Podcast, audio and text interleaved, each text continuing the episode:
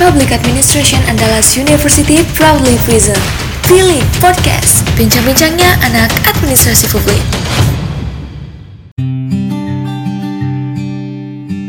Halo sobat, kembali lagi di Bilik Podcast bersama Vandal di sini. Nah dan tentunya ya sobat Vandal saat ini nggak sendirian walaupun nggak ada Ratu karena kali ini Vandal ditemenin sama Kak Resti selaku Ketua Himpunan Mahasiswa Administrasi Publik Universitas Andalas dan selaku narasumber kita di episode kali ini. Halo Kak Resti. Halo Vandal. Kak, sehat gak? Alhamdulillah sehat. Vandal sendiri gimana nih kabarnya? Alhamdulillah sehat juga Kak. Jangan lupa jaga kesehatannya ya Kak, apalagi di pandemi saat ini. Iya pasti. Kak Resti boleh disapa nih sobat di rumah. Halo sobat semuanya. Uh, kenalin, aku Resti Fajria, uh, mahasiswa administrasi publik angkatan 2018. Nah, jadi Kak Resti ini uh, biasanya di administrasi publik Universitas Andalas kita kenal selaku ketua himpunan mahasiswa, yaitu uh, ketua Hima pada periode 2021 dan 2022. Nah, jadi di kesempatan kita kali ini, kayaknya kita bakal ngobrol-ngobrol ringan aja nih sobat tentang hal yang sering banget bikin mahasiswa kebingungan gitu kan. Itu antara kuliah atau organisasi. Mana sih yang lebih penting gitu? Menurut Karesti sendiri um, sebenarnya yang mana sih yang lebih penting antara kuliah atau organisasi? Uh, kuliah atau organisasi? Mungkin ini merupakan pertanyaan yang udah sangat sering ya kita dengar gitu di kalangan mahasiswa gitu kan mm-hmm. uh, juga ada beberapa orang yang menyatakan bahwa kuliah itu jauh lebih penting daripada organisasi. Begitupun sebaliknya, ada juga yang mengatakan bahwa organisasi itu lebih lebih penting daripada kuliah. Namun e, menurut aku secara pribadi ini tuh bukan sesuatu yang harus kita bandingkan, melainkan suatu hal yang harus kita sandingkan. Karena organisasi dan kuliah itu adalah hal yang cukup berbeda ya gitu pandangannya. Berarti kalau menurut Kak Resti, organisasi dan kuliah itu nggak perlu dibandingin ya Kak, karena uh, mereka itu sama-sama pentingnya kan buat kepribadian seseorang gitu kan, dan juga karakter seseorang tentunya. Uh, Kak Resti sendiri kan selaku ketua di mana Hima ini atau himpunan mahasiswa ini adalah sebuah organisasi dalam perkuliahan gitu kan Kak. Nah, kan Kak Resti selaku ketua Hima, gimana sih rasanya menjadi seorang Kahim atau Ketua Hima di uh, Himpunan Mahasiswa Administrasi Publik Universitas Andalas, Kak. Boleh dikasih tahu gimana perasaannya kepada kami semua? Uh, perasaan ya, perasaan menjadi Ketua Himpunan Administrasi Publik di Unan. Uh, nggak nyangka sih awalnya gitu, karena nggak pernah uh, terfikirkan bahwa aku bakal menjadi pemimpin di himpunan uh, di HMAP gitu. Oke. Okay.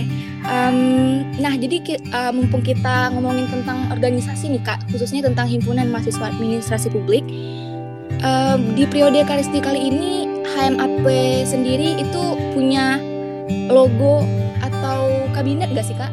Jadi di kepengurusan HMAP periode 2021-2022 ini uh, nama kabinet kami adalah Kabinet Metamorfosa, hmm. di mana makna dari kabinet metamorfosa ini agar dapat menciptakan HMAP yang melakukan perubahan, dapat beradaptasi dan pembaharuan untuk satu periode kepengurusan ke depannya.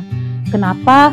Karena kan pada saat sekarang ini kita lagi menghadapi situasi yang tidak terduga gitu, yaitu adanya pandemi sehingga banyak sekali uh, kegiatan-kegiatan yang awalnya bersifat uh, konvensional atau offline itu harus kita rekonstruksi sesuai dengan uh, keadaan sekarang. Artinya kita juga harus uh, dapat beradaptasi dengan lingkungan saat ini. Oke, berarti intinya di HMP di HMP ini sesuai dengan nama kabinet itu kabinet metamorfosa. Kita berharap agar uh, di pengurusan kabinet metamorfosa kali ini kita bisa untuk beradaptasi dengan lingkungan dan dengan perubahan yang berbeda kali ini ya kan kak? Iya benar sekali Vandal. Nah oke, okay. berarti kalau kabinet uh, eh, HMAP adalah kabinet metamorfosa, berarti untuk logo kabinet itu sendiri gak jauh-jauh amat dari yang namanya kupu kan ya kak? Iya, uh, tahu kalau metamorfosa itu kan biasanya proses yang dialami oleh kupu-kupu. Iya benar Vandel. Jadi kenapa logo dari kabinet metamorfosa ini adalah kupu-kupu? Uh, kita semua tahu gitu bahwa kupu-kupu mengalami uh, metamorfosis dimulai dari telur, terus menjadi ulat, larva, kemudian kepompong, dan hingga dia menjadi kupu-kupu. Nah, filosofinya seperti ini gitu. Ketika kupu-kupu ini masih menjadi telur dan menjadi larva, banyak sekali hal-hal yang dihadapinya gitu. Ketika kupu-kupu ini masih menjadi telur dan ulat atau larva, banyak sekali orang-orang yang tidak menyukainya gitu. Nah, bahkan ketika ia bermetamorfosis menjadi kepompong, ia pun juga terus menghadapi uh, panas terik ataupun uh, hujan untuk terus bisa bertumbuh menjadi kupu-kupu muda gitu. Nah, tapi coba kita perhatikan. Ketika ia menjadi telur, ketika ia menjadi larva, menjadi kepompong, itu ia da tidak dapat perhatian dari orang lain. Malahan banyak sekali kan orang-orang yang merasa uh, jijik terhadap ulat atau larva gitu kan. Nah, namun uh, ketika ia sudah menjadi kupu-kupu, banyak sekali orang menyukainya gitu. Nah, begitupun dalam sebuah perubahan. Ketika kita membuat sebuah perubahan, mungkin banyak sekali orang-orang yang akan bertanya-tanya, akan banyak sekali orang yang akan tidak menyukai sebuah perubahan karena beranggapan bahwa ini tidak sesuai atau uh, ini tidak uh, cukup baik untuk dilakukan. Tapi padahal ini baru proses gitu. Ini baru proses yang belum mencapai pada pada akhir yang sebenarnya. Begitupun dengan metamorfosis yang terjadi pada kupu-kupu tadi gitu. Orang-orang uh, terkadang melupakan bahwa sebuah hasil yang sudah kita dapatkan itu sebenarnya melewati proses yang sangat panjang yang mana ada uh, ketidaksukaan dari orang-orang terhadap proses yang kita lalui itu hingga mencapai hasil yang baik gitu Vandel. Oke, berarti juga uh, tergantung dengan spekulatif orang kan kak spekulasi orang terhadap kupu-kupu itu pasti berbeda dengan spekulasi orang-orang sebelum kupu-kupu itu menjadi sebuah kupu-kupu yang bisa terbang gitu kan seperti kalau misalnya seekor kupu-kupu masih menjadi kepompong, ulat atau larva yang seperti Kares disebutin tadi kan banyak orang yang ngerasa atau berspekulasi itu adalah hal yang menjijikkan gitu. Namun siapa siapa sangka kalau ternyata hal yang menyejukkan itu saat ia tumbuh menjadi sebuah seekor kupu-kupu justru banyak yang menyukainya gitu. Iya benar sekali Pandel. Oke jadi masih berbicara tentang himpunan mahasiswa administrasi publik atau HMAP. Um, sebenarnya visi misi HMAP itu sendiri apa sih kak? Visi misi dari HMAP ya. Kalau untuk visi HMAP itu tentunya uh, ingin menjadi wadah yang mampu mewujudkan mahasiswa administrasi publik sebagai seorang pemikir-pemikir ilmiah dan mampu menerapkan ilmu terhadap lingkungan yang ada di sekitarnya sehingga nantinya akan menjadi mahasiswa yang berkualitas dan uh, berintelektual tinggi. Nah, dari visi ini artinya bahwa HMAP itu ingin menjadi wadah yang mampu mewujudkan uh, mahasiswa, khususnya mahasiswa administrasi publik itu sebagai seorang pemikir yang ilmiah dan mampu menerapkan ilmu terhadap lingkungan yang ada di sekitarnya, Vandel. Kalau misinya gimana kak? Kalau buat misi? Uh, kalau untuk uh, misinya itu tentunya mewadahi seluruh kegiatan ilmiah uh, seluruh mahasiswa ya dengan disiplin ilmu yaitu administrasi publik, kemudian uh, menumbuhkan semangat berkarya dan berinovasi dalam bidang yang sesuai dengan disiplin uh, ilmu kita. Oke, berarti itu tadi visi dan misi MAP secara ringkasnya aja yang udah uh, disebutin sama Kak Resti. Nah, jadi dalam HMAP ini kan Kak kan ada uh, tiap-tiap pengurusnya atau bidang-bidangnya gitu. Misalnya kalau Karisti selaku ketua HMAP itu ada di pengurus inti gitu. Nah, jadi uh, selain pengurus inti pasti juga ada beberapa pengurus atau bidang-bidang lainnya gitu. Nah, kalau boleh tahu di HMAP ini sendiri ada berapa bidang ya kak? Dan juga apa aja sih bidangnya beserta perannya gitu? Oke, kalau di kepengurusan HMAP saat ini tentunya ketua nggak berjalan sendiri ya gitu. Tentunya dibantu oleh uh, teman-teman pengurus lainnya. Nah, di HMAP uh, ini sendiri itu ada pengurus inti yang mana uh, terdiri dari sekretaris dan juga bendahara. Kemudian ada bidang infokom, ada bidang kestari, bidang litbang, bidang PSDMO, bidang kewirausahaan, dan juga bidang regenerasi. Kalau untuk bidang infokom, yaitu informasi dan komunikasi adalah suatu bidang yang berperan sebagai jaringan informasi dan komunikasi untuk HMAP dalam bentuk memenuhi kebutuhan desain komunikasi visual, publikasi, dan komunikasi secara langsung ataupun melalui media untuk berbagai program dari HMAP. Jadi uh, bidang infokom ini itu yang akan menjadi uh, garda terdepan dalam memberikan informasi kepada publik baik itu secara internal maupun eksternal. Dan artinya secara khusus infokom merupakan bagian dari hubungan masyarakat dalam HMAP sendiri Pandel. Kemudian ada bidang regenerasi. Bidang regenerasi ini menjadi wadah dalam menjaga stabilitas uh, eh, HMAP dan juga penanaman nilai-nilai organisasi kepada seluruh anggota HMAP. Nah, artinya adalah bidang regenerasi ini menjadi sarana untuk bersilaturahmi sesama keluarga administrasi publik dengan asas kekeluargaan dan harapan menumbuhkan rasa kepemilikan terhadap HMAP itu sendiri. Nah, peran dari regenerasi ini adalah memperkuat hubungan silaturahmi antar elemen yang ada di administrasi publik, baik itu kepada uh, sesama mahasiswa administrasi publik, kepada senior, dan juga kepada dosen. Inilah perannya regenerasi Vandel gitu. Selanjutnya uh, untuk bidang penelitian dan pengembangan gimana kak? Kalau bidang penelitian dan pengembangan atau yang biasanya kita sebut bidang litbang, itu suatu bidang yang diarahkan untuk mewadahi dan memfasilitasi kegiatan penalaran, penelitian, pengembangan, dan eh, kegiatan-kegiatan uh, yang bersifat keilmiahan di lingkup uh, eh, HMAP. Uh, eh, bidang ini bertugas menginisiasi kegiatan pembelajaran dan memberikan edukasi kepada anggota mengenai riset, penalaran, dan karya ilmiah.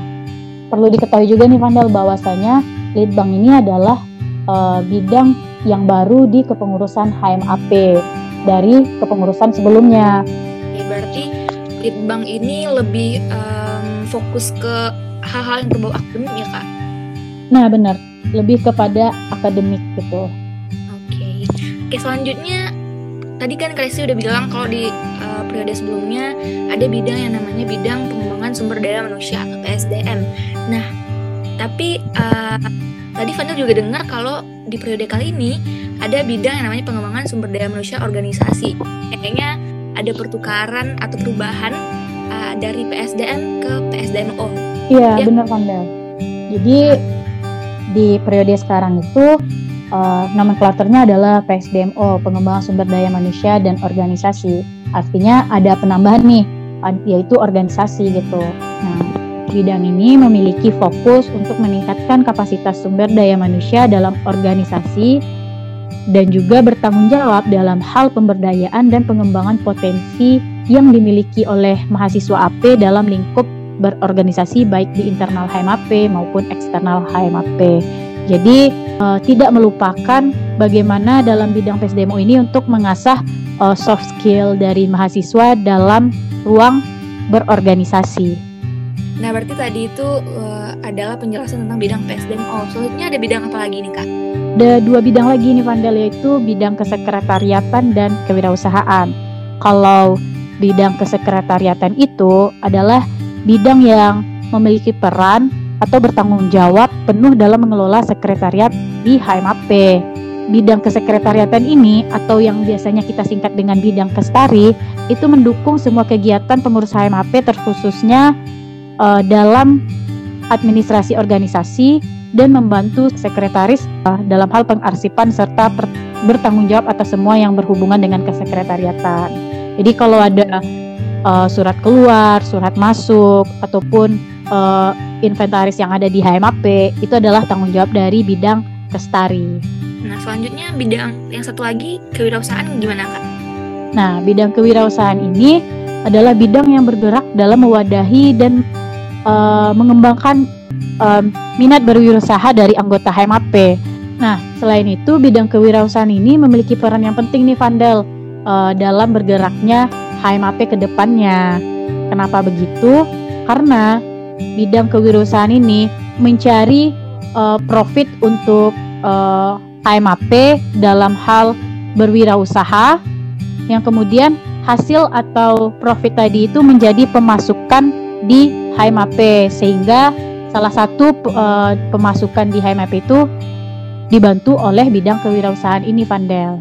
Oke, berarti kalau kewirausahaan ini tuh lebih ke wirausaha yang menghasilkan profit gitu ya kak? Iya benar. Terima kasih Kak Resti udah ngejawab eh, beberapa pertanyaan yang mungkin masih pengen diketahui oleh sobat di rumah tentang eh, bidang-bidang dalam MAP.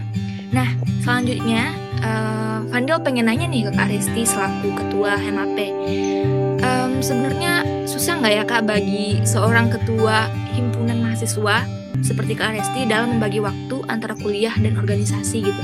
Dibilang susah, ya sebenarnya tergantung diri masing-masing ya Vandel. Karena yang susah itu adalah bagi waktunya Vandel gitu, yaitu uh, manajemen waktu. Yang mana sebelumnya udah aku sampaikan bahwasanya uh, organisasi dan kuliah itu sama-sama penting. Artinya uh, bukan kita bandingkan tapi harus kita sandingkan. Nah, untuk menyandingkannya ini, maka harus ada yang namanya manajemen waktu. Artinya dalam berkegiatan di organisasi dan dalam uh, berkuliah itu harus ada yang namanya skala prioritas pandel. Jadi uh, jangan sampai nih kita sibuk berorganisasi tapi kita melupakan kewajiban kita sebagai seorang mahasiswa.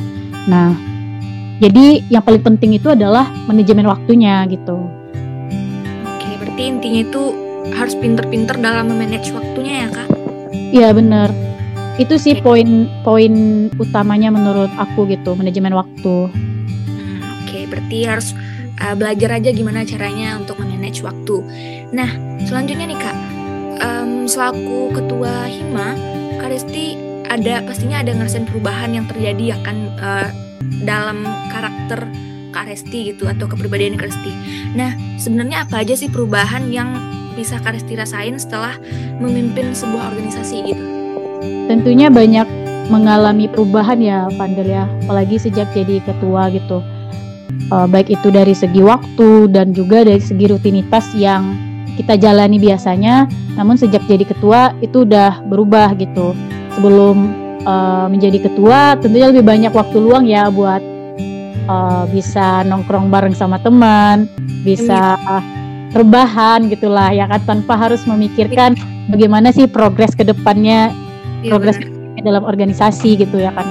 Kalau sekarang hmm, yang dipikir bukan cuma kuliah aja tapi organisasi juga menjadi uh, hal yang harus dipikirin juga gitu. Artinya kuliah adalah prioritas, organisasi harus menjadi totalitas juga Vandel dan sobat semuanya. Keren ya. Emang jadi kalau emang uh, uh, orang-orang yang multi talent seperti Kak Resti ini benar-benar harus pinter ya bagi waktu ya kalau gitu.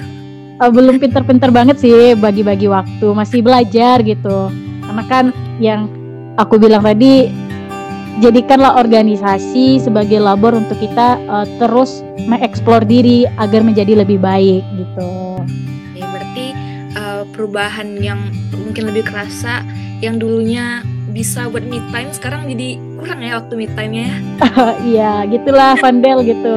Oke, nggak apa-apa, nggak apa-apa. Yang penting uh, kita bisa dapat banyak pelajaran juga kan kalau kita ngikutin banyak organisasi gitu kan kak gitu. Oke, um, terakhir nih, terakhir.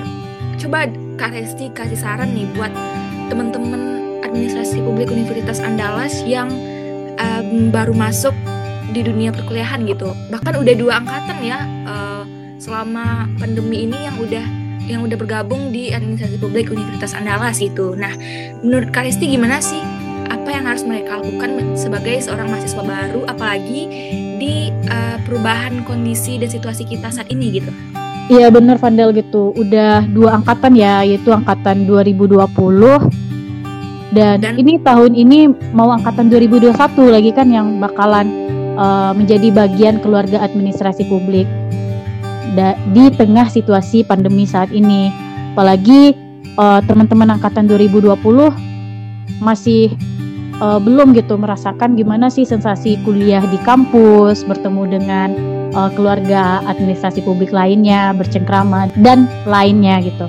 Pesan aku sih buat uh, teman-teman yang baru masuk dunia perkuliahan ataupun teman-teman yang belum merasakan sensasi kuliah di kampus, uh, jangan patah semangat gitu, jangan uh, jadikan pandemi ini sebagai uh, hal yang menyurutkan semangat uh, teman-teman semua untuk mengeksplor diri gitu. Tapi jadikanlah pandemi ini agar kita dapat berpikir lebih out of the box gitu. Dan juga teman-teman yang baru masuk di dunia perkuliahan dan belum ngerasain sensasi di kuliah karena pandemi, seharusnya uh, juga ngejadiin situasi kita ini sebagai challenge untuk diri kita masing-masing kan kak gitu. Gimana kita bisa yeah. beradaptasi dengan uh, perubahan yang baru gitu. Tentunya dengan semangat yang tetap sama gitu kan. Kita kalau menurut Vandal sendiri gimana sih rasanya kuliah di masa pandemi ini? Oke kalau menurut aku sendiri ya yang uh, saat ini semester 4 tapi untungnya yang pernah ngerasain dunia perkuliahan secara offline dan tiba-tiba aja langsung berubah ke uh, online kayak gini ya tentunya agak sedikit membingungkan ya untuk aku kak gitu. Karena sebelumnya uh, ngerasain kuliah face to face ini sekarang dalam perkuliahan yang di dalam jaringan atau daring gitu. Di mana kita hanya bermodalkan laptop atau gawai dan uh, kadang juga ada dalam perkuliahan di daring ini yang nggak harus uh, on cam gitu. Apa ya ngerasa kurang efektif aja kak gitu. Antara uh, kuliah offline dengan kuliah online seperti saat ini gitu. Lebih efektif yang kuliah offline-nya gitu. Tapi aku sendiri uh, ngerasa ini jadi suatu hal yang menantang gitu. Di mana ini akan men-challenge diri kita apakah kita bisa melewati ini dengan um, capaian yang sama atau lebih bagus atau justru sebaliknya gitu. Lebih beradaptasi ya dengan lingkungan berarti ya? Ya benar. Apalagi sejak pandemi ini kita udah lama banget nih nggak ketemu dengan hmm, sobat-sobat kita di uh, kelas. Bahkan udah hampir satu tahun lebih ya. Ya jadi uh, jadi intinya sobat semua tetap harus jaga kesehatan. Uh, dan kalau mau keluar untuk hal-hal yang mendesak usahain untuk uh, pakai masker agar kita bisa meminimalisir uh, pandemi covid ini gitu. Dan agar kita bertemu secara face to face lagi gitu kan kak ya jangan lupa uh, selalu menjalankan protokol kesehatan. Hmm, benar. Oke, kayaknya kita udah di penghujung episode kali ini ya sobat. Jadi semoga episode kali ini dapat bermanfaat untuk sobat semua, apalagi untuk sobat-sobat dari administrasi publik Universitas Andalas yang um, baru bisa dikatakan sebagai mahasiswa baru atau baru bergabung dalam keluarga AP Nah, tapi belum ngerasain sensasi kuliah atau bertemu secara langsung dengan keluarga AP sendiri gitu. Jadi semoga sobat bisa mendapatkan pelajaran dari uh, episode kali ini, bisa mengetahui apa sih HMAP dan gimana sih uh, roda pergerakan HMAP ini gitu. Siapa aja sih yang berperan. Nah, jadi seperti yang tadi udah disebutin Kak Resti, semoga ini bermanfaat untuk sobat semuanya gitu. Oke, terima kasih banyak nih buat uh, sobat-sobat yang udah dengerin Bilik Podcast uh, kita pada hari ini. Dan terima kasih juga buat uh, eh, HMAP dan juga buat Pandel yang udah uh, ngundang aku jadi tamu bincang-bincang kita di Aku dong yang seharusnya ngucapin terima kasih ke Kak Hesti ya. Iya, terima kasih juga Pandel nih. Jadi sibuk-sibuknya tapi masih tetap nyempatin atau nuangin waktunya buat kita semua ya sobat. Thank you ya Kak Res udah uh, ngejelasin dan sharing kepada kita tentang HMAP dan uh, organisasi gitu. Iya Vandel, sama-sama. Terima kasih kembali. Jadi cukup sampai sini aja sobat. Um, aku Vandel dan juga Kak Resti pamit dulu dan sampai jumpa di episode selanjutnya gitu. Bye sobat semuanya, see you. See you.